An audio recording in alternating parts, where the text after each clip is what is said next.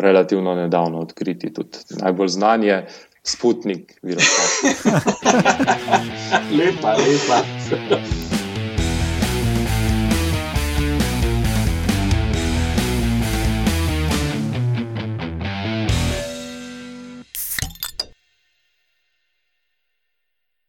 Lepo zdrav, poslušate 122. oddajo Metamorfoza, podcast o biologiji organizmov in vedno to biologijo organizmov predstavljamo skozi lahkoten pogovor ob pivu. In jaz sem Matjaš Gregorič in z mano so štirje stalni sovoditelji, Roman Luštrik, ki se je že oglasil, pa Urša Fležar, Alenka Rozman in Lauro Rozman. Zdravo, folk. Živijo. Hello. Hey. No, z nami po Skypu je pa tudi današnji gost, dr. Denis Skutnjak, ki je biolog zaposlen na oddelku za biotehnologijo in sistemsko biologijo Nacionalnega inštituta za biologijo. Zdravo, Denis. Živijo, živijo. Uh, Tako da, ja, um, gost že nakazuje uh, to dejstvo, da danes to ne bo običajna epizoda, ampak bo malo posebna. In danes se bomo pogovarjali o virusih, ki so nekako na meji živega, ampak o tem kasneje. Ja, povejmo samo še čisto na kratko tehnikalije, preden začnemo. Uh, Metamorfoza ima svojo spletno postajo na medijskem mreži Metina Lista. Vse nas dobite na metamorfoza, afna, metina.si, ostale admin zadeve pa čist na koncu oddaje. Um, preden zagrizemo v to oddajo, um, še povejmo, kot običajno, uh, na naš poseben način, kdaj to snemamo. Na današnji dan, leta 1943, torej pred 77 leti, je umrla ameriška biologinja Mary Jane Rathbun, pionirka siste sistematike rakov. Um, v življenju je opisala več kot tisoč vrst rakov. To pa je velik rakov.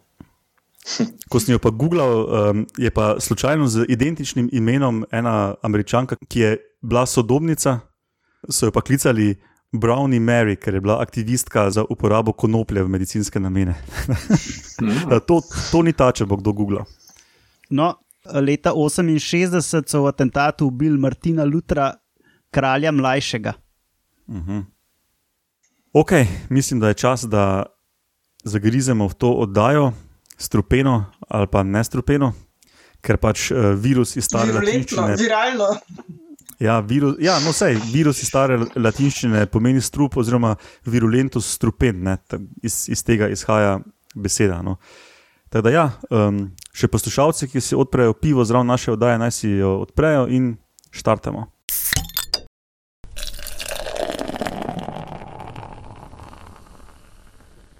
A smo pa uh, sprejemali vprašanja?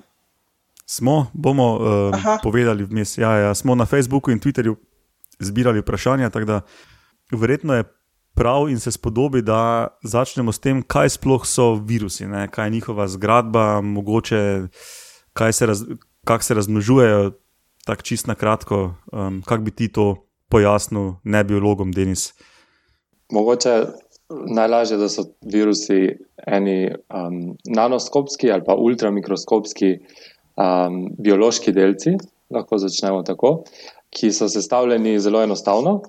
Um, imajo nek genski material in ta genski material je uvit z nekim zaščitnim proteinskim plaščem. Kar je zanimivo pri virusih, je to, da njihov genski material ni samo DNA, kot recimo pri eukariontih in pri uh, prokariontih, ampak so lahko to zelo različne oblike. Lahko je to um, enoverižna DNA, dvoverižna DNA, lahko je enoverižna RNA ali pa dvoverižna RNA. Torej, vse možne biološke molekule, ki lahko kodirajo informacijo, so lahko genom virusa. Um, to je v bistvu najpomembnejši del. Uh, Potem uh, je okrog, kot sem že omenil, proteinski plašč. Nekateri virusi imajo pa tudi um, okoli še uh, membransko vojnico. To so recimo uh, virusi, ki okužujejo, nekateri virusi, ki okužujejo ljudi. Tudi uh, virus, o katerem je zdaj največ govora, je tak, ki ima uh, okoli sebe membransko vojnico. Čak, Denis, lahko samo vprašam, ali to ima uh, lipidni dvosloj, pa pol še neki, ali je to ta vojnica to? Ponavadi je lipidni dvosloj z različnimi proteini in glikoproteini. In recimo lipidni dvosloj lahko vzame od celice, od gostiteljeve celice. Um, nekatere proteine tudi, druge proteine pa naredi tudi lahko virus sam, jih kodira sam in so potem del, je ta ovojnica v bistvu del njegovih produktov in del gostiteljevih produktov. Se pravi, ta lipidni dvosloj, to pač praktično men, pomeni neka maščobna zadeva, ki ščiti ta gen, genom, kot si prej omenil, se pravi, ali DNA ali RNA. Ja, zaščiten, zaščiten je genom že v bistvu z proteinskim plaščom. Membrana ima včasih kakšne druge funkcije, recimo lahko omogoči to, da se um, s pomočjo receptorjev na, na virusu potem virus zlije za gostiteljsko celico in na tak način vstopi. Ja, na tej točki moramo za nebiologe med poslušalci verjetno povedati, da lipidni dvosloj je ta membrana običajnih celic, ne? um, običajnih organizmov. Ja, ampak no, lipid pa pomeni maščoba, praktično. Ja, ja, to ja. sem hotel ja, izpostaviti. Ej, drugač pa sem še jaz mislila vprašati, DNA pa RNA, to, ko omenjaš. Kaj si, jaz tudi to nisem zihar, da vsi vejo, kaj to je, pa kaj je razlika med tema dvema stvarima. Torej, genom virusa lahko, so lahko različne molekule, uh, ki v biologiji kodirajo informacijo. Um, večin, večini ljudi je poznana molekula DNA. Um, in pri, um, recimo, pri eukariontih je to glavna molekula, ki nosi zapis uh, za vse proteine, za, za pra, praktično za delovanje celic. In pri eukariontih se ta DNA prepiše v RNA, uh, to pa je podobna molekula, ampak ima pri eukariontih um, neko umestno funkcijo med uh, prevajanjem med DNA in med proteini. Pri virusih je pa drugače, pri virusih je pa lahko kar RNA že predstavlja genski zapis, torej a, to a, informacijo, ki potem a, poda vsa navodila za, za tvorbo proteinov od virusa. Mhm. No, mogoče kaj je še zanimivo pri tem, kaj sploh virusi so, je to, da so lahko zelo različnih oblik in zelo različnih velikosti. Poznamo viruse, ki so, uh, ki so veliki nekaj deset nanometrov, poznamo pa tudi zelo velike viruse, ki so bili odkriti v zadnjih petih, desetih letih in so lahko celo večji od najmanjših bakterij. Wow. Um, lahko so oblik takih, kot jih najpogosteje vidimo na slikah, to so te neke izometrične oblike, uh, nek, neki. Heksagoni, recimo, ampak to je le ena izmed oblik. Uh, lahko so oblike, recimo špagetov, oblike palčk, lahko so oblike stekleničk, praktično ta morfologija odkritih virusov je zelo raznolika. Poleg virusov pa poznamo tudi še bolj enostavne organizme, ki so na nek način jih obravnavamo skupaj, to so pa viroidi. Viroidi so pa v bistvu samo molekule RNA, brez kakršnih koli proteinov, in te molekule RNA ne kodirajo nobene informacije, kljub temu so pa infektivne in se lahko prenašajo viroide poznamo samo na rastlinah in se lahko prenašajo z rastline na rastlino. Mhm. Ali lahko vidiš te viruse nekako? Ali to se da pod kakšnim mikroskopom gledati te oblike? Um, ali na kakšen način v bistvu se to raz, raziskuje, oziroma kako vemo, da so tako različni, pa kako so veliki? Ja, ker so zelo majhni, jih ne moramo gledati uh, pod svetlobnim mikroskopom, uh, ki ga ponavadi biologi uporabljamo, ampak potrebujemo elektronski mikroskop, pri katerem na mesto svetlobnega žarka v bistvu uporabimo snop elektronov. Uh, in na tak način lahko gledamo zelo majhne delce v nanometrski skali, uh, kar so virusi. In če jih pridobimo iz nekega vzorca, jih lahko pod elektronskim mikroskopom uh, opazujemo, in tudi glede na obliko lahko jih razvrstimo, recimo, ponavadi ne do vrste, ampak recimo do družine in redu, pa glede na obliko virusnega delca, lahko s pomočjo elektronskega mikroskopa. Ok, kaj čemo tudi, um, kaj zelo okvirno povedati o razmnoževanju virusov, ali bi to kasneje, pa najprej povemo še malo o tem, um, katere lastnosti. Običajnih organizmov, ali pa sploh organizmov imajo, pa katere nimajo, pa potem gremo na razmnoževanje. Veš, ker v bistvu niso celice. Pravi, a to misliš, to, a so ja. živi ali ne? Ali? Ja, ja, ja pač, jaz mislim, okay. da je za poslušalce tudi zanimivo to, ne, da um, se tudi biologi sami nekako nismo enotni. Vsaj mislim, da no, bo, bo Denis povedal več. Um, ali bi viruse sm sploh smatrali kot um, nekaj živega, ali so to neki neživi delci, ali je to mogoče lažna dihotomija. Pa, je to sploh nepotrebno vprašanje. Ne? Um. Ja, mislim, da, da se biologi, če ne drugega, strinjamo vsi, da so virusi vsekakor del živega sveta. Včasih se izognemo vprašanju, ali so živi ali ne, in rečemo, da so neki biološki delci ali pa neka biološka entiteta, pa del biosfere. Zakaj je to vprašanje, ali so virusi živi ali ne, za nas zelo zanimivo? V bistvu bi se najprej mogli vprašati, kaj to sploh pomeni, kaj je živo. Ja. Uh, ker ta izraz, ta izraz smo si biologi seveda sposodili. Uh, nismo si ga izmislili, smo si ga sposodili iz vsakdanjega jezika in smo mu dali neko definicijo, zaradi tega, ker se biologija ukvarja s pročevanjem živega. In de, tudi definicije življenja niso enotne. Ena taka najbolj splošna je, da mora organizem, ki je živ, imeti nek metabolizem, mora se razmnoževati, mora rasti, uravnavati svoje procese, imeti dedni material in se adaptirati na okolje. Virus ima nekatere od teh lastnosti, nima pa vseh. Recimo, virus se sam ne more razmnoževati. Razmnožuje se lahko samo znotraj gostiteljske celice, um, ima dedni material. Lahko bi rekli, da se lahko adaptira na okolje znotraj gostitelja, spet, ampak v bistvu pride do nekih problemov, zato si tudi tu biologi a, nismo edini, ali so virusi živi ali niso živi. Ampak obstajajo pa tudi druge definicije življenja, recimo bolj fizikalne ki pa pravijo, da so živi tisti sistemi, ki znajo preprosto izrabljati neke resurse v okolju, zato da se razmnožujejo. V taki definiciji pa verjetno bi se vsi strinjali, da so virusi živi. In to vprašanje mogoče ni najpomembnejše vprašanje za raziskovalce virusov, za virologe, Je pa zanimivo, na nek način filozofsko vprašanje. In tudi, um, tudi v zadnjem času se s tem to ni mogoče samo nek, neka arhajična, arhajična filozofija, ampak se s tem tudi v zadnjem času veliko ukvarjajo uh, biologi in virologi. In ena izmed bolj uh, recimo, sodobnih teorij, ki obravnava to vprašanje, je teorija virocelice. In ta teorija v bistvu pravi, da v bistvu ne samo teorija, že um, tudi na splošno, virus ne obstaja samo v eni obliki. Ta oblika virusnega delca, ki smo jo omenili na začetku, ko smo opisovali, kako virus izgleda, je samo ena izmed oblik virusa. Virus, ko okuži gostiteljsko celico, v bistvu gostiteljsko celico ugrabi, zato da se lahko začne razmnoževati.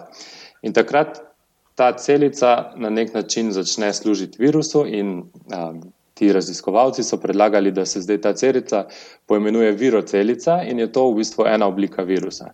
In če virus dojemamo v taki obliki kot enoto skupaj z gostiteljsko celico, ima pa vse lastnosti živega, živega tudi po tisti prvi definiciji, ki smo, uh, ki smo jo najprej omenili. Mogoče moramo tukaj zdaj povdariti za poslušalce, da. Mm, Virus izven gostitelja ni celica v klasičnem smislu, ne? se pravi, nima ni citoplazme z vso celično mašinerijo, obdane z neko celično steno, se pravi, zaradi tega logično tudi nima lastnega metabolizma. Ne, pravi, ja, pri virusu, virus pa v bistvu je izključno genski material. Je, zato mu tudi včasih rečemo, da je genski parazit. Ker v bistvu ima sam svoj genski zapis in ko ta genski zapis lahko prenese v gostitelja, se šele lahko razmnožuje in takrat šele lahko se začne ustvarjati virusni proteini. Sam pa v bistvu ne more take aktivnosti uh, izvesti. Se pravi, to, to direkt lahko pomeni, da brez gostitelja pač tudi virus crkne, umre, ne obstaja več. Se pravi, da nekako temu, mislim, kako ne. Nekako ja. trajnostno ja. s svojimi gostitelji pač uh, deluje. Ja, v bistvu je v biologiji rekli, da je obligaten parazit, torej, da ne more preživeti brez svojega gostitelja. Um, preživi nekaj časa izven gostitelja, zato da se razširi. Lahko si predstavljamo, da je virus v taki obliki kot virusen delec, ko se širi med gostitelji, tako kot semena ali rastlinska semena ali pa spore bakterij, ki v bistvu tudi niso aktivne, ampak preživijo nekaj časa, zato da potem recimo bakterijske spore prav tako da okužijo potem gostitelja. In a, virusi lahko preživijo nekaj časa v okolju, uh, neaktivni. Ja, so pa ti, um, ti preživetveni časi zelo različni. To je lahko od nekaj minut, nekaj ur, pa tudi do nekaj tednov. Nekateri rastlinski virusi, recimo, so izjemno obstojni uh, in dlje časa lahko ostanejo infektivni v okolju. Uh mhm. -huh. V bistvu so čist navadni paraziti, ne, s tem, da recimo eukariotski paraziti zajedajo gostitelja, pa pobirajo nutriente za to, da uh, gradijo uh, svoje spolne celice. Klej, virus pa pač tega posrednika, kar se pravi, te hranila, kar izloči in se direkt samo v mašino za podvajanje DNK, utlač noter in gasa. Ja, tako. E, Denis, kako pa a, pride virus v celico? Različni virusi, ki recimo okružujejo različne organizme, lahko na različen način vstopajo v celico. Recimo, pa je važno, v katero celico vstopijo. Ja, seveda. Recimo, pri, pri človeku sesav, in pri sesalcih recimo, se virus, virus vstopi v celico navadno tako, da se veže na nek receptor na membrani. A, torej, lahko vstopi samo tiste celice, ki imajo te receptorje. Potem, ko se, ko, ko prepozna ta, ko se veže z receptorjem, se lahko ali zlije z membrano, ali pa ga celo celica požre, uh, ali pa samo virus uh, spusti del genskega materijala v celico.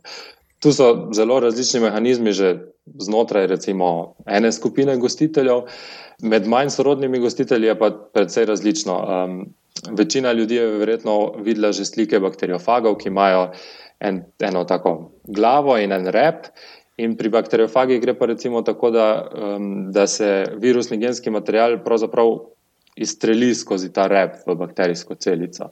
Na drugi strani pa recimo pri rastlinah pa ni nobenega aktivnega načina za vstop virusa v celico, in uh, mora biti uh, celica na nek način ranjena, in potem pasivno virusi skozi to ranitev vstopijo v celico. Ali je to ranitev z insektom, ki prenese virus, ali pa to kar neka rana na rastlini.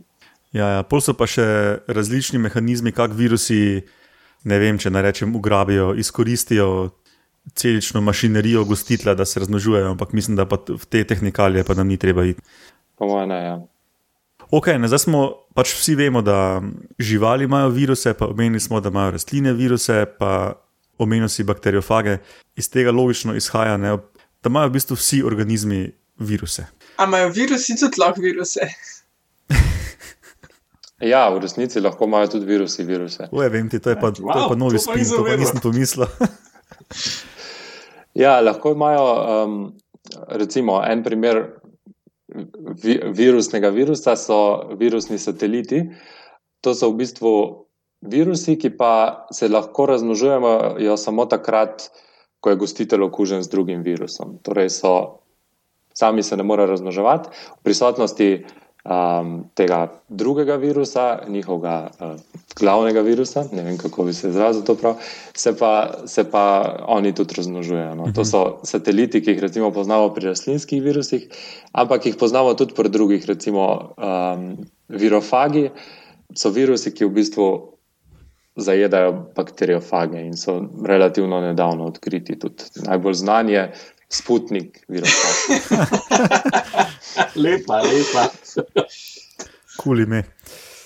Ok, no in um, dobro, da si to vprašala, Lenka, ker se lahko navežem z vprašanjem, enim od obeh vprašanj Blaža Nemca na Twitterju, ki je vprašal, um, oziroma ti bom kar, dva, kar oba vprašanja prebral, uh, Denis. Prvo je bilo, kako speci kak specifični so bakteriofagi, drugo se pa nanaša na to alenkino vprašanje, če imajo viruse, viruse, ali lahko virus prepreči vstop drugega virusa v celico.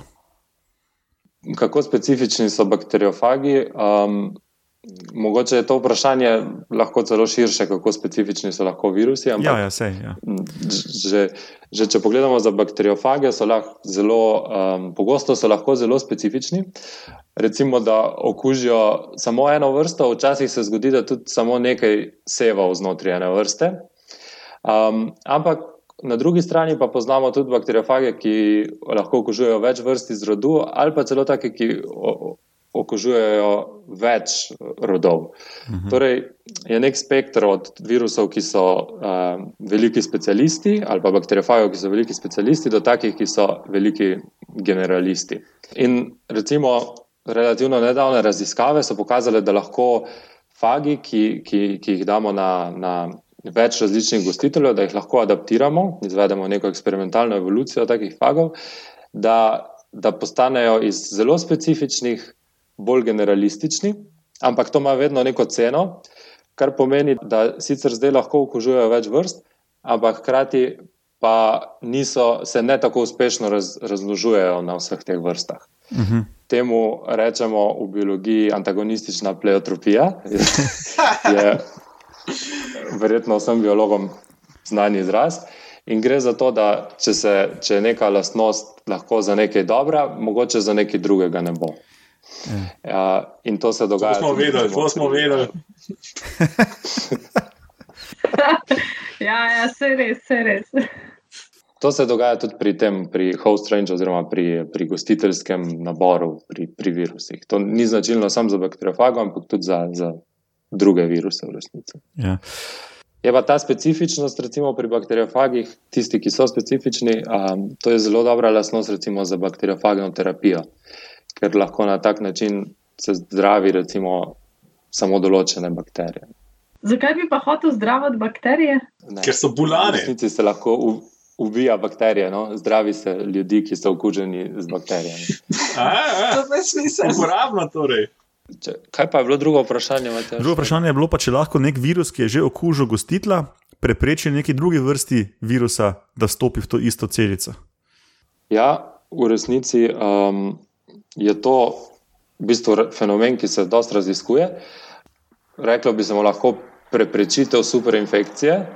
In sicer se to zgodi predvsem, kadar sta, sta si dva virusa zelo podobna.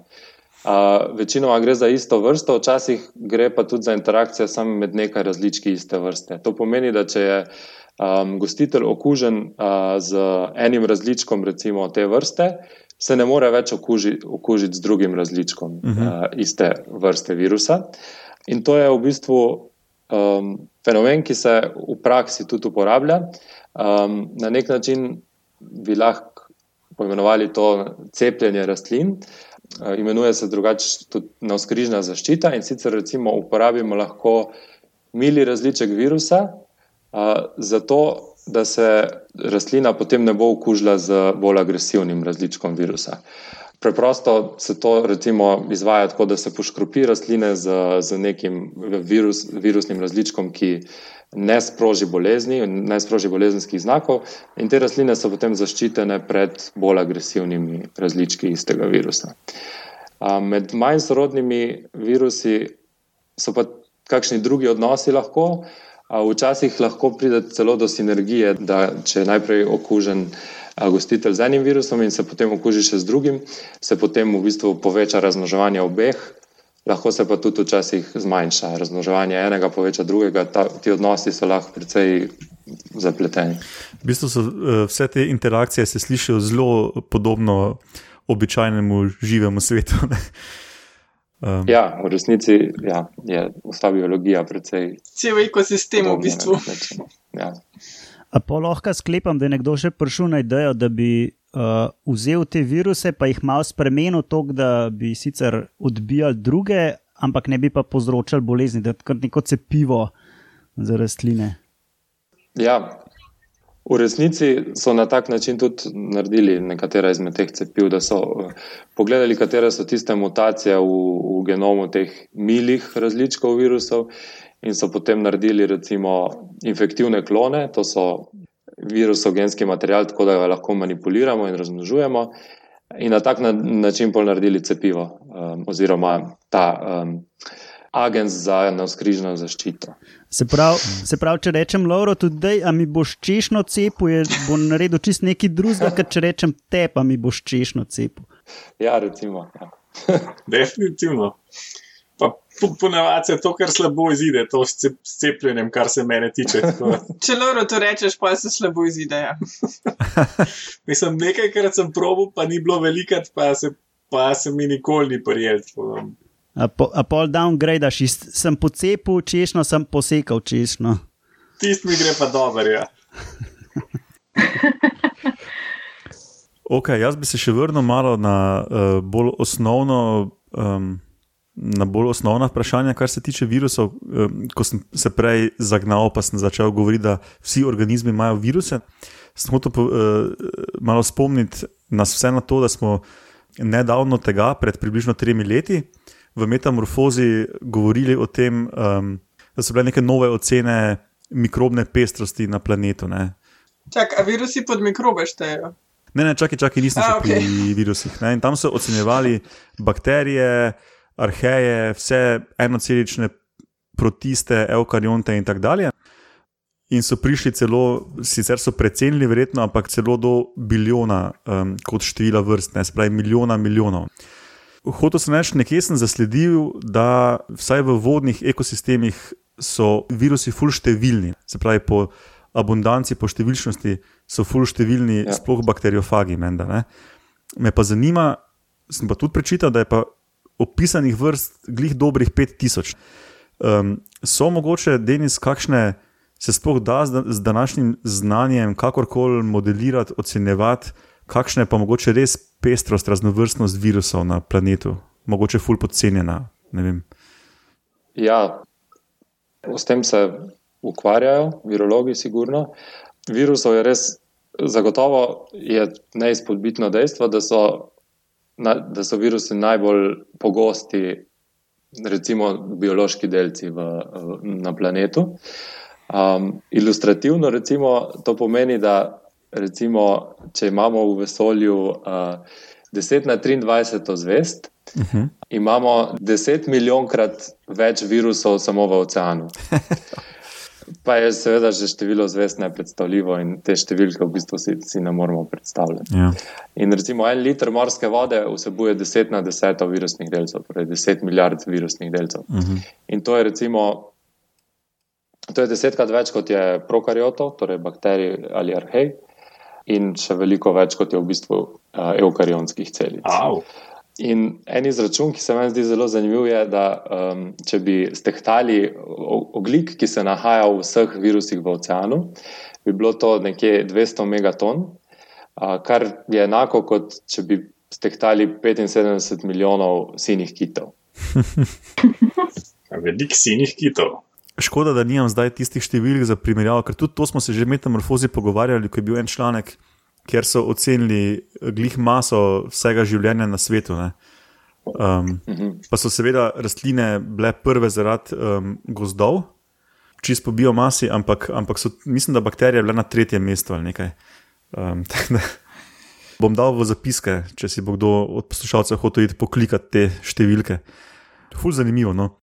Evo, zdaj moramo sam pogruntati, kako ugljik iz zraka v viruse črpati, pa pol to na dno morja, fukantol. Problem rešen.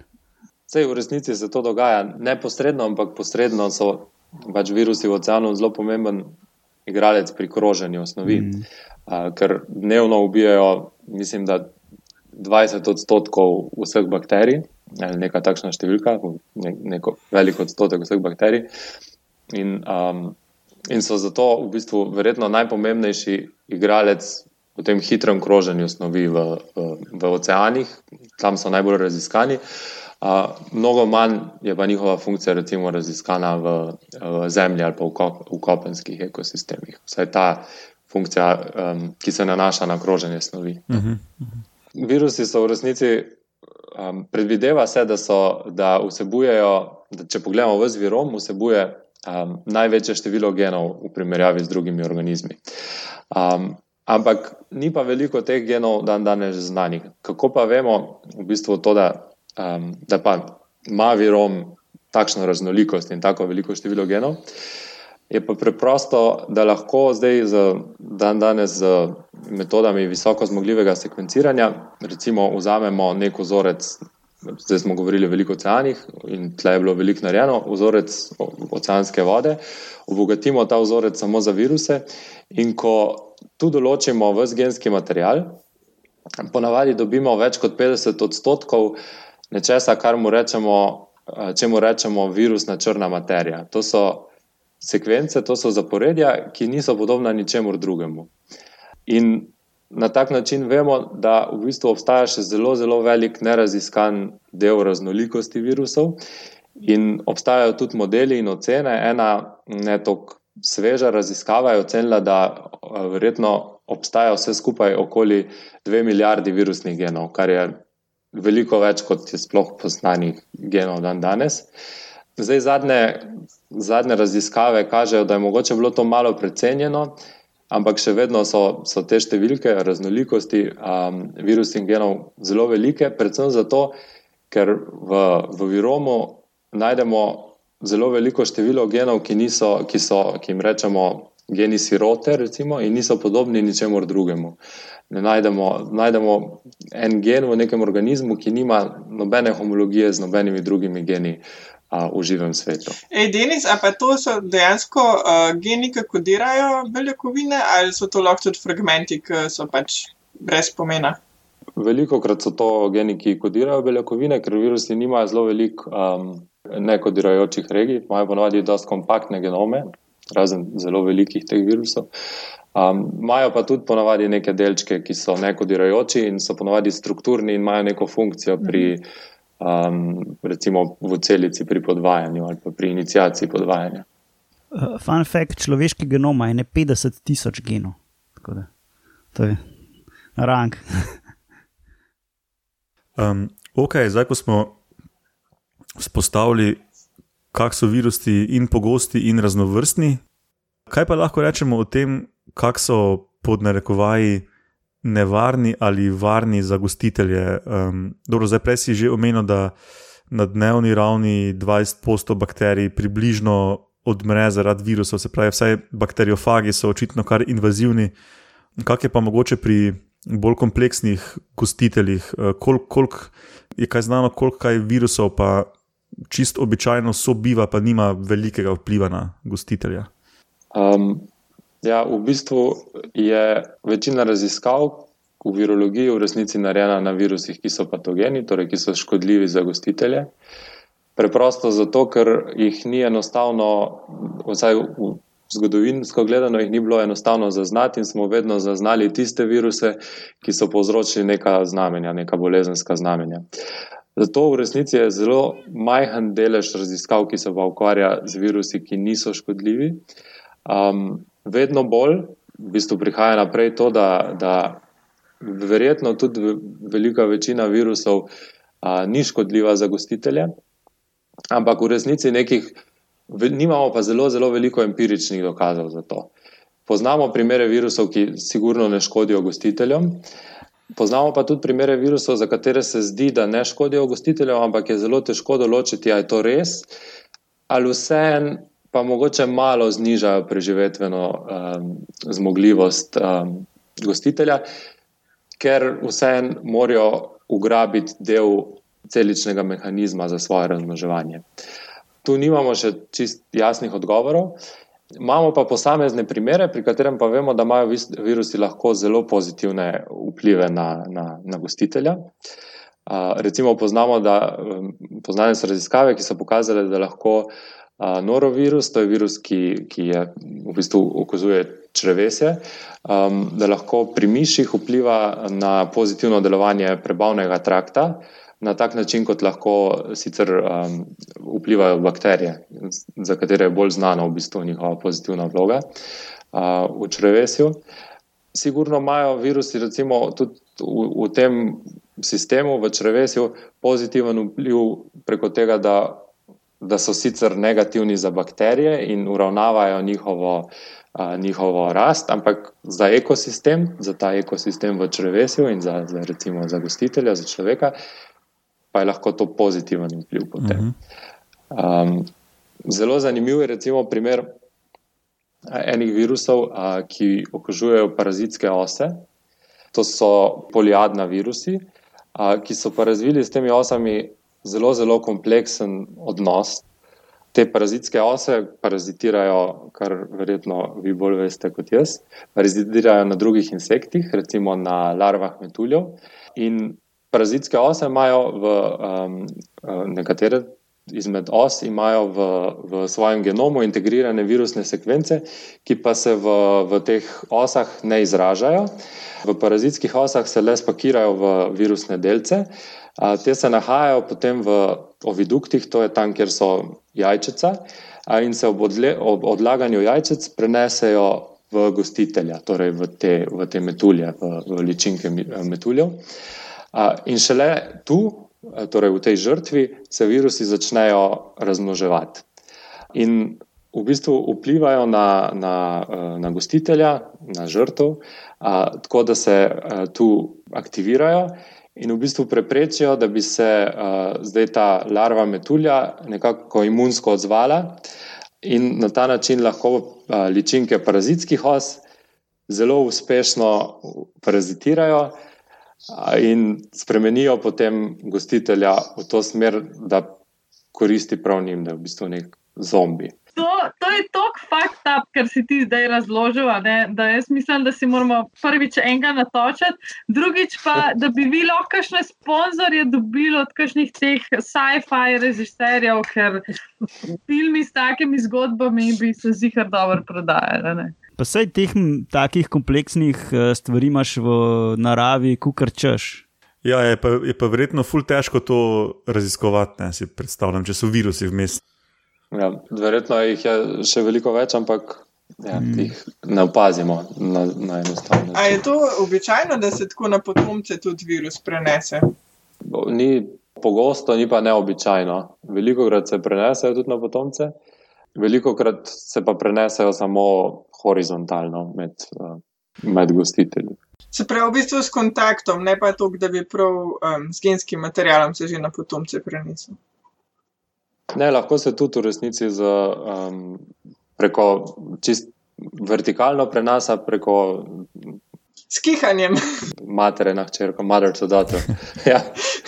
um, recimo pri, pri rastlinskih virusih, o katerih recimo jaz največ vem, je, je veliko takih, ki, ki se prenašajo. Um, skihanjem. Uh, Skihanjem, ja. ne, se prenašajo vertikalno, torej semeni. Um, in nekateri so tudi popolnoma neškodljivi, um, oziroma nismo, ni še nihče ugotovil, da bi kakorkoli škodili rastlinam. In potem so tudi taki, recimo, en zelo zanimiv primer pri rastlinah je prikriti virus plazeče detelje. To je virus, ki se prenaša iz um, staršev na potomce, torej uh, na rastlinah, na deteljah. Uh, in v bistvu v detelji uh, preprečuje, da bi se, kadar je v okolju dovolj dušika, da bi se na koreninah detelja tvorili noduli, ki fiksirajo dušik sicer. In s tem v bistvu rastlina prihrani pri energiji in lahko usmeri več energije v rast, ker takrat teh nodulov ne potrebuje. Uh, in to je en primer takega virusa, ki se prenaša na potomce in ima za rastlino, zaenkrat poznamo samo pozitiven učinek. Uh -huh. Um, tukaj bom prebral še vprašanje Danila Majheniča iz Facebooka. Um, mislim, da smo v glavnem že odgovorili, no, ampak vprašal je, ali so vsi virusi slabi in koliko je neko normalno stanje virusov in bakterij, ki so v našem telesu v normalnem, zdravem stanju. Zdaj, za bakterije je seveda odgovor, da jih je ogromno. Ne? Mislim, da so neke ocene, da je število bakterijskih celic v človeškem telesu približno enako kot število naših telesnih celic. Mislim, da so zadnje ocene, da jih je desetkrat več kot, kot človeških celic, virusov je pa stokrat več kot človeških aha, celic. Aha. A prav tako v zdravem človeku. V zdravem človeku, ja. To so več. Hudo, jaz sem, sem mislila, da sem tako te norice, pa te herpesi pač ostanejo s tabo zavedno, ampak nisem si mislila, da jih je pa res tukne. Ampak so pa to večinoma v resnici bakterijski virusi, torej bakteriofagi, mm. ki okužujejo bakterije, ki živijo v uh mhm. -huh. človeku ali pa na človeku. Kaj pa pa še te virusi, ki okužujejo viruse, teh je pa, pa še na eksponent, eksponentno več. ne, pa se jih ne prav okužujejo, samo šlepajo vse v bistvu. Ne. No, sej se je to, mislim. Ja. Mislim, da v resnici ne. Je pa to kar zanimivo, no? da jih eh, vsaj ne poznamo, jih tako zelo veliko. No? Ok, zdaj pa glede na to, da so virusi biološke entitete, ki nujno rabijo gostitla za svoj obstoj, ne, za svojo reprodukcijo, razmnoževanje. Obstaja več hipotez o njihovem nastanku v evolucijskem smislu, ne se pravi, kdaj so se pojavili na planetu. Um, pa ne vem, nam lahko moče poveš, Denis, koliko resno je za jemati te hipoteze in katera se tebi osebno zdi mogoče najbolj verjetna, ali pa katero večina ljudi kot najbolj verjetno smatra, ali pa če je celo jih več lahko hkrati. Res. Ja, um, ta, ta, zadnja, ta zadnji del vprašanja je verjetno najbolj zanimiv, če jih je lahko več hkrati res. Obstaja več hipotez, kako so nastali virusi. Jaz mislim, da um, ni zelo jasno, katera izmed teh je prava. No, kaj so te hipoteze? Ena je, da so virusi nastali prav na začetku življenja. Prav tako hipotetično je en, en izmed, um, ena izmed teorij nastanka življenja predvideva, da je bil na začetku nek svet, ki se imenuje RNA svet, da so v bistvu prve biološke molekule bile molekule RNA, ki so bile pa sposobne, da se same sebe podvojujejo. To v bistvu vemo danes lahko take stvari v laboratoriju v resnici rekonstruiramo. Poznamo molekule RNA, ki so hkrati zapisujejo za neko informacijo in hkrati imajo tudi neko funkcijo encima, torej, da, da lahko podvojujejo same sebe ali pa druge podobne molekule. In iz tega bi se potem lahko v resnici razvili virusi, ki so temu zelo, zelo podobni. V bistvu gre spet samo za genski material. To je prva hipoteza ki se imenuje recimo hipoteza virusi najprej. Druga hipoteza je regresijska. Tu gre za to, da bi virusi v bistvu nastali tako, da bi se celice postale bolj enostavne, da bi eh, celice postale paraziti drugih celic in bi potem s časom, s parazitiranjem, izgubile vedno več in več kompleksnosti, dokler na koncu ne bi ostal sam nek genski material, torej nek virus. Uh, še ena Tretja hipoteza je pa, da so v bistvu virusi samo pobegli geni iz celic, ki pa so potem postali v bistvu na nek način a, a, samostojni in a, so do, pridobili neko infektivnost, da so lahko okužili tudi druge celice.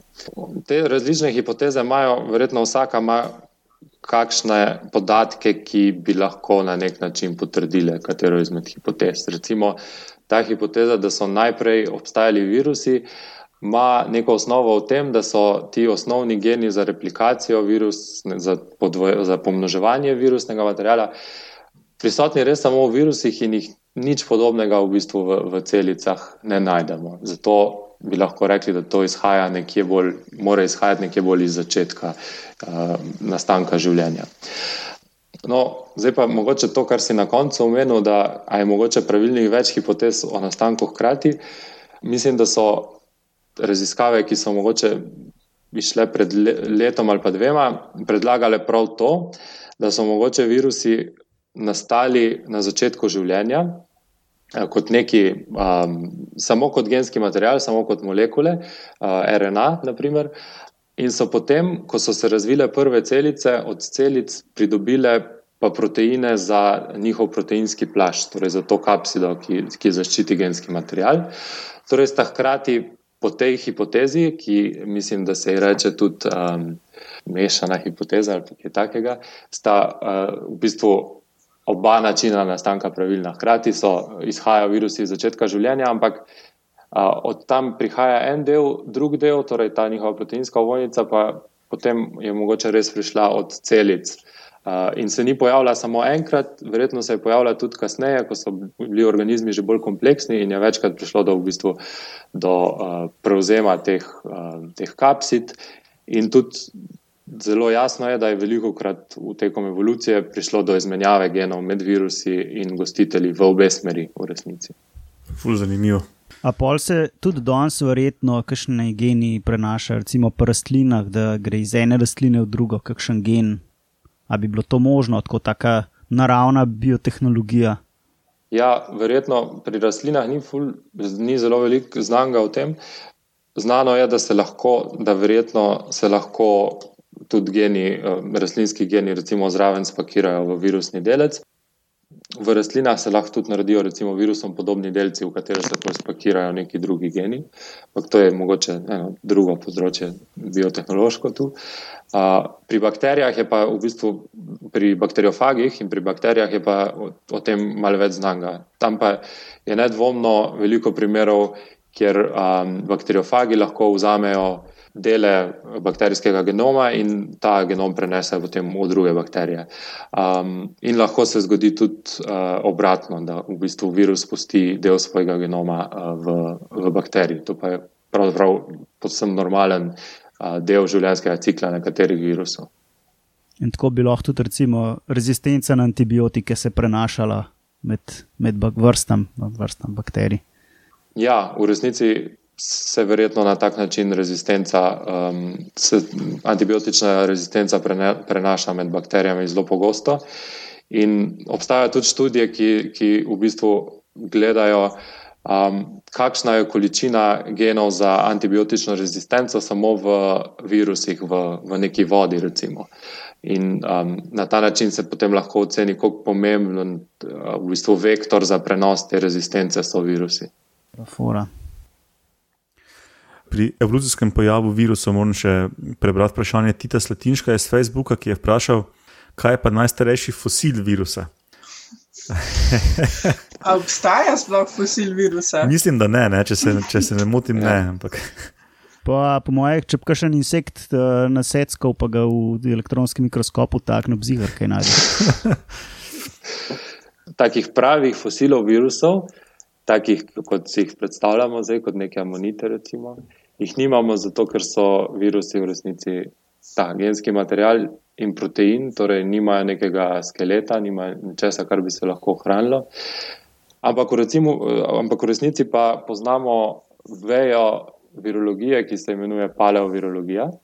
In um, paleovirologija se ukvarja z raziskovanjem fosilov virusov, ampak fosili virusov so nekaj popolnoma drugega v tem primeru. Fosili virusov so v bistvu fosili v genomih gostiteljev in sicer se lahko različni virusi, pravzaprav mislim, da je zdaj to znano kar za vse različne type virusov, lahko dele svojih genomov um, uh, ugradijo v genom gostiteljev. In take dele lahko potem mi zaznamo v genomu človeka, v genomu rastlin, v genomu živali. In paleovirologija se ukvarja s tem, da skuša ugotoviti, koliko so stari potem ti endogenizirani deli virusov v genomih njihovih gostiteljev. Um, Verjetno carbon dating tle ne prime. Ne, ne tle te um, metode, ki bi jih pri fosilu uporabili, v resnici ne delujejo, ampak moramo uporabiti um, filogenetske metode. Torej, tukaj primerjamo potem, recimo, če se je virus pri nekem skupnem predniku ugradil v genom, potem dobimo pri, a, pri sorodnih vrstah te dele virusa v genomu, ki so pa med sabo malo različne, in iz te divergence, iz teh razlik v dveh sorodnih vrstah, lahko potem zračunamo starost takega virusa, torej starost integracije virusa v genom. A pa to so virusi, ki so še vedno, um, ko se to reče, živi, ali so to virusi, ki so izgubili sposobnost razmnoževanja? Ja, večina izgubi sposobnost razmnoževanja, in pri, uh, nekateri, um, veliko v resnici virusnih genov se spremeni v gene, ki so potem um, za gostitelja, ki imajo neko funkcijo v gostitelju, popolnoma nepovezano, oziroma ni, niso to več virusni geni, ampak so potem gostiteljevi geni. Lahko pa tudi, seveda, retrovirusi ugradijo svoj genom seveda, v genom gostitelja, in pri retrovirusih se lahko ta genom potem a, spet prepisuje in spet nastanejo virusni delci. No. Ko si jih pri tem, kako velik faktor pri mutaciji pa so v splošnem virusi? Ne vem, če čisto razumem. Pri mutaciji. Se pravi, kako hitro mutirajo v primerjavi z, recimo, z človeškim celicam? Ne, ne, ne. V bistvu me pač bolj zanima recimo, pač ne vem, človek pač sam od sebe, recimo, da mutira tok pa tok hiter. Kako velik delež tega je na račun virusov? Mhm. Ali pa kakšna druga žival, no, vse vseeno, ali pa rastlina. A to misliš, da pol raka dobi zato, ker ti celica mutira? Pa? Karkoli, on ve o tem, jaz ne vem, zato sem ga vprašal. ja, ne vem, če v bistvu čist če znam čisto dobro odgovoriti na to, ali pa če, če v bistvu obstajajo podatki o tem. Ampak v resnici je velik del, del naših genomov in genomov veliko organizmov v resnici virusnega izvora. To so recimo vsi retrotransfozoni in to so ti mobilni genski elementi, ki skačejo um, po genomu. So v resnici na nek način virusi, ki pa nimajo kapside. Torej, določeni raziskovalci te elemente štejejo med viruse. In, um, vemo pa, da so taki mobilni elementi v genomu zelo pomembni, ker lahko s tem, ki se predstavijo, seveda povzročijo strukturno ali pa točkovno mutacijo. Ja. Da zagotovo imajo pomen tudi pri tem, kako hitro mutirajo genomi eh, gostiteljev. Nisem pa čist prepričan, če se to da, ali pa če je kdo to natančno kvantificiral. Ok, tu sem hitro navezal še na drugo vprašanje Danila Majheniča, ki, pa, ki pa ga zanima, kaj virusom omogoča, da hitro mutirajo. Ja, mogoče je tle najprej pomembna razlaga, kaj mutacije sploh so in kaj so te mutacije, o katerih recimo. Slišimo v medijih, ali pa tiste, ki pač pridejo bolj do izraza. Um, mutacija je v resnici napaka, Torej, ko se neka informacija, v našem primeru je to genski material, pomnožuje, nujno pride do nekih mutacij. In pri, a, pri recimo pri človeku ali pa pri, pri eukariontih um, imamo molekulo DNA, ki se pomnožuje in ima določene upravljalne mehanizme. In zato, če pride do napak, se lahko te napake v veliki meri um, odpravijo. A, zato recimo, da, da ta hitrost mutacije ni tako zelo velika.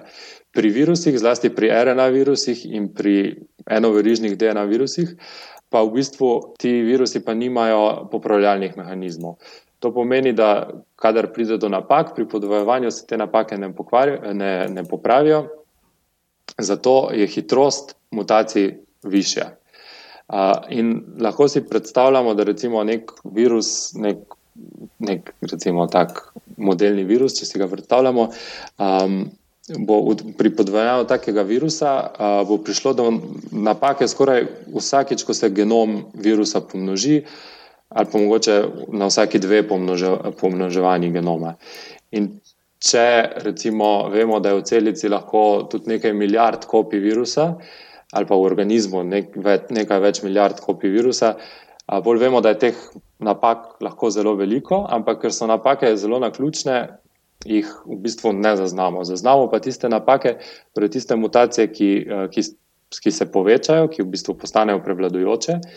In to so potem tiste mutacije, recimo, o katerih lahko potem beremo v medijih, recimo zdaj, ko imamo epidemijo uh, novega koronavirusa. Tiste mutacije, o katerih govorimo, so le en zelo majhen delež, delež mutacij, ki v resnici nastane, ampak to so mutacije, ki narastejo uh, v populaciji, tako da jih lahko opazimo v resnici. No.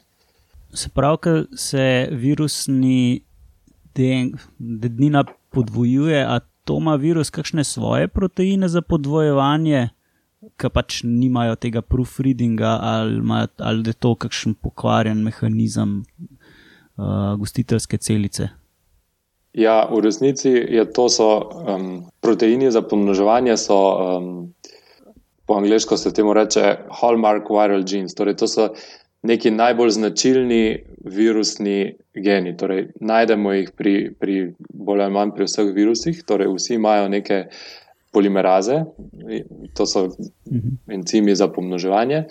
Uh, in ravno ti encimi so zelo specifični za viruse, torej jih ne najdemo, niso podobni strukturno in po zaporedju uh, encimom, ki pomnožujejo pa genski material pri, pri um, eukariontih ali prokariontih. Razen v redkih primerih, kjer pa je prišlo verjetno do tega, da so naknadno virusi zamenjali te izvorne encime za podvojevanje z encimi od gostiteljev. Ukradili so po domač povedan. Ja. To je mogoče še ena, ta, ki potrjuje, da so virusi res zelo stari. Kako kar jaz vem, ti polimeraze so dosta uh, podobne med vsemi eukarionti. Ali sem jaz tukaj? Ja, ja, to je v resnici ena izmed ta um, prisotnost teh um, posebnih polimeraz pri virusih, je en, en izmed argumentov te teorije, da so virusi nastali ta prvi v resnici. Smiselno. Um, ok, če smo izčrpali ta vprašanja, bi mogoče čisto za konec še povedali malo o tem, kako se sploh preučuje viruse dan danes. Ne? Urša se je prej navezala na njihovo majhnost, um, pa vidim, da je tukaj v plan tudi nekdo napisal, um, kako se jih preučuje, kako se jih goji, ne? ali se jih sploh lahko goji. Um, kaj, s kakimi problemi se sploh srečujete, tisti, ki raziskujete viruse? Valjda sem jaz to napisala, Matjaž. No? Ti si? Ja. A ja, nisem vedel. mene, mene najbolj zanima ta aspekt, know-how. Mislim, taka... Urša, brez high-speed kamer. Ja, no, ampak moš mi pa mogoče. Ful, tako deep inside kamere. Ne. To mene ta tehnika res uh, zelo zanima, no? tako v vseh pogledih. Ja, raziskovanje virusov je sigurno drugačno kot pa recimo raziskovanje drugih mikroorganizmov oziroma drugih uh, mikrobov. Um, in sicer ravno zaradi tega, ker se jih ne da gojiti na klasičen način, kot recimo bakterije, lahko gojimo na nekem gojišču s hranili. Virusov pa ne moramo, ker so, kot smo prej omenjali, um, obligatni paraziti, torej potrebujejo gostitelja za svoje razmnoževanje. Um, Lahko jih na nek način gojimo in sicer tako, da jih gojimo v celicah gostiteljev. Za, za živalske viruse je recimo jih mogoče gojiti v celičnih kulturah, ampak to morajo biti pa res tiste celice, torej, ki so res gostiteljske celice za viruse. Torej, morajo imeti prave receptore, da virus lahko stopi v njih in zato je to precej komplicirano in tudi precej zamudno. Pri rastlinah je to mogoče še malo bolj komplicirano, ker, so, ker ne moramo narediti takih celičnih kultur, moramo v bistvu posebej pripraviti um, protoplaste, to so celič, celice rastlin, ki jim odstranimo celične stene. In v resnici se s tem ne ukvarja zelo veliko ljudi, in zato zgodovinsko smo viruse preisko, uh, proučevali predvsem preko um, opazovanja, opazovanja, preko opazovanja um, bolezni, ki jo povzročajo, torej preko opazovanja nekih bolezenskih znakov. In te metode še vedno uporabljamo. Recimo uh, pri rastlinah lahko okužujemo različne rastline z virusi in opazimo, kakšna bolezenska znamenja se pojavijo. In tukaj v bistvu je potrebna zelo veliko ekspertize, ki, uh, ki ti omogoči to, da veš, da bo na neki rastlini virus povzročil rumenenje, na drugi rastlini bo povzročil mogoče neke mozaike, neke pege, na tretji rastlini ne bo povzročil nič. In potem, ko, ko integriraš vse to, nekako lahko ugotoviš, za kateri virus gre.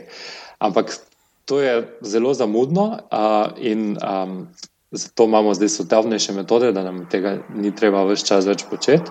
A, prej smo že omenjali, da lahko z elektronskim mikroskopom pogledamo viruse kar je super, ampak ni tako zelo natančno, ne moremo določiti točno, za, za kateri virus gre po navadi. Je precej časovno zamudo, zamudno, kot so tudi tiste prejšnje metode opazovanje bolezenskih znakov. Zato večinoma zdaj uporabljamo um, molekulske metode. To pomeni, da gledamo direktno genomski material virusov. Um, najbolj splošna metoda je verižna reakcija s polimerazo, ki jo uporabimo za to, da pomnožimo genom virusa in v bistvu najdemo um, na ta način, lahko potem povemo, za kateri virus gre. Um, klasično so bile te metode še vedno tarčne uh, in sicer si mogel vedeti, kater virus iščeš, zato da si lahko pomnožil njegov genom. Imamo pa dan danes tudi metode, ki niso več tarčne, to so metode visoko zmogljivega sekvenciranja, kjer pa lahko v resnici vzamemo nek vzorec in posekvenciramo, torej določimo genom vseh organizmov, ki so v vzorcu, vključno z virusi, in na ta način potem res najdemo v tem primeru uh, vse viruse v nekem vzorcu. Um, zakaj so te metode zdaj prav za viruse zelo pomembne? Ker virusi v nasprotju z drugimi organizmi nimajo um, nekih ohranjenih splošnih genov. Torej, ne moramo uporabiti nekih specifičnih genov in jih ciljati, in na ta način v bistvu um, nekako poiskati viruse. Za viruse, res, če hočemo pogledati vse viruse, hkrati potrebujemo popolnoma um, generične metode, torej take, ki nam omogočajo, da vse naenkrat v resnici pogledamo. In na tak način si predstavljam, da tudi najdete vse tiste viruse, ki v resnici niso virulentni, oziroma pač ne, ne povzročajo nikakršnih znakov okuženosti in vse to. Ne? Se pravi, takrat, ko ja. so bile te metode šele dostopne, ste tudi ugotovili, da taki virusi obstajajo. Ja, v resnici je točno to res. Um, ne, nekateri primeri so bili znani že odprej, sploh za tiste viruse, ki imajo morda nek, celo nek, neko pozitivno vlogo, ampak ravno z, z prihodom teh metod, ki so bolj generične, visoko zmogljivega sekvenciranja, recimo zadnjih 10 do 15 let, se pa odkriva ogromna količina virusov, ki, za katere jim v resnici, katerim še ne znamo določiti čisto natančno funkcije, in verjetno mnogi od njih so taki, ki sploh niso nevarni za gostitelja. In raziskovanje takih virusov se v resnici zdaj šele lahko v resnici začne. Je pa zelo pomembno tudi to, da lahko določimo zdaj ogromne količine genomskih zaporedi naenkrat, še vedno Moramo pa na koncu iti na te klasične metode. Še vedno, če zdaj hočemo ugotoviti, če je nekaj, kar smo mi določili kot nek delček genoma, če, je, če to pripada nekemu virusu, ki je nevaren ali virusu, ki ni nevaren, moramo uporabiti tiste zamudne metode, ki okužujemo gostitelje in opazujemo spremembe. Zdaj, trenutno smo prišli do točke, ko lahko pridobimo ogromno informacij. Ampak pa ne vemo, kaj z njimi. Ne vemo, kaj z njimi, oziroma potrebujemo zelo veliko časa, da jih osmislimo. Temu se strokovno reče clusterfuck. Meni pa je en drug izraz briljanten. Tako um, so fiziki poimenovali v vesolju temno snov, mi je frušeč, da so tudi uh, virologi poimenovali to kot, um, kako kak se reče, temno snov uh, um, skupne genske mase virusov na planetu. Virusna temna materija. Tako, no, to. to, to. Ej, jaz pa mogoče še eno vprašanje, pa Matjaš, to lahko tudi čisto ven režeš, ker me zanima. Uh, pa mogoče sem prej zamudila moment, no, ampak kako veš, da. Mm, Ko ne zdaj to vprašam, se pravi, kako veš, da je ta materija res pripada virusom ali pa tem, uh, a so viroidi, si rekel, ne? Kako pa, da to ni sam neka naključno razpadla DNA od nekih pač drugih organizmov ali pa RNA, ki so umrli in se celice so v bistvu v procesu razkrajanja. Ali to hitro razpade, enako, ko celica propade in se začne razgrajevati, da v resnici je ne, niti ne bi zaznal v takih količinah, pač v tistem svojem naključnem vzorcu. Če veš, kaj hočem vprašati. No?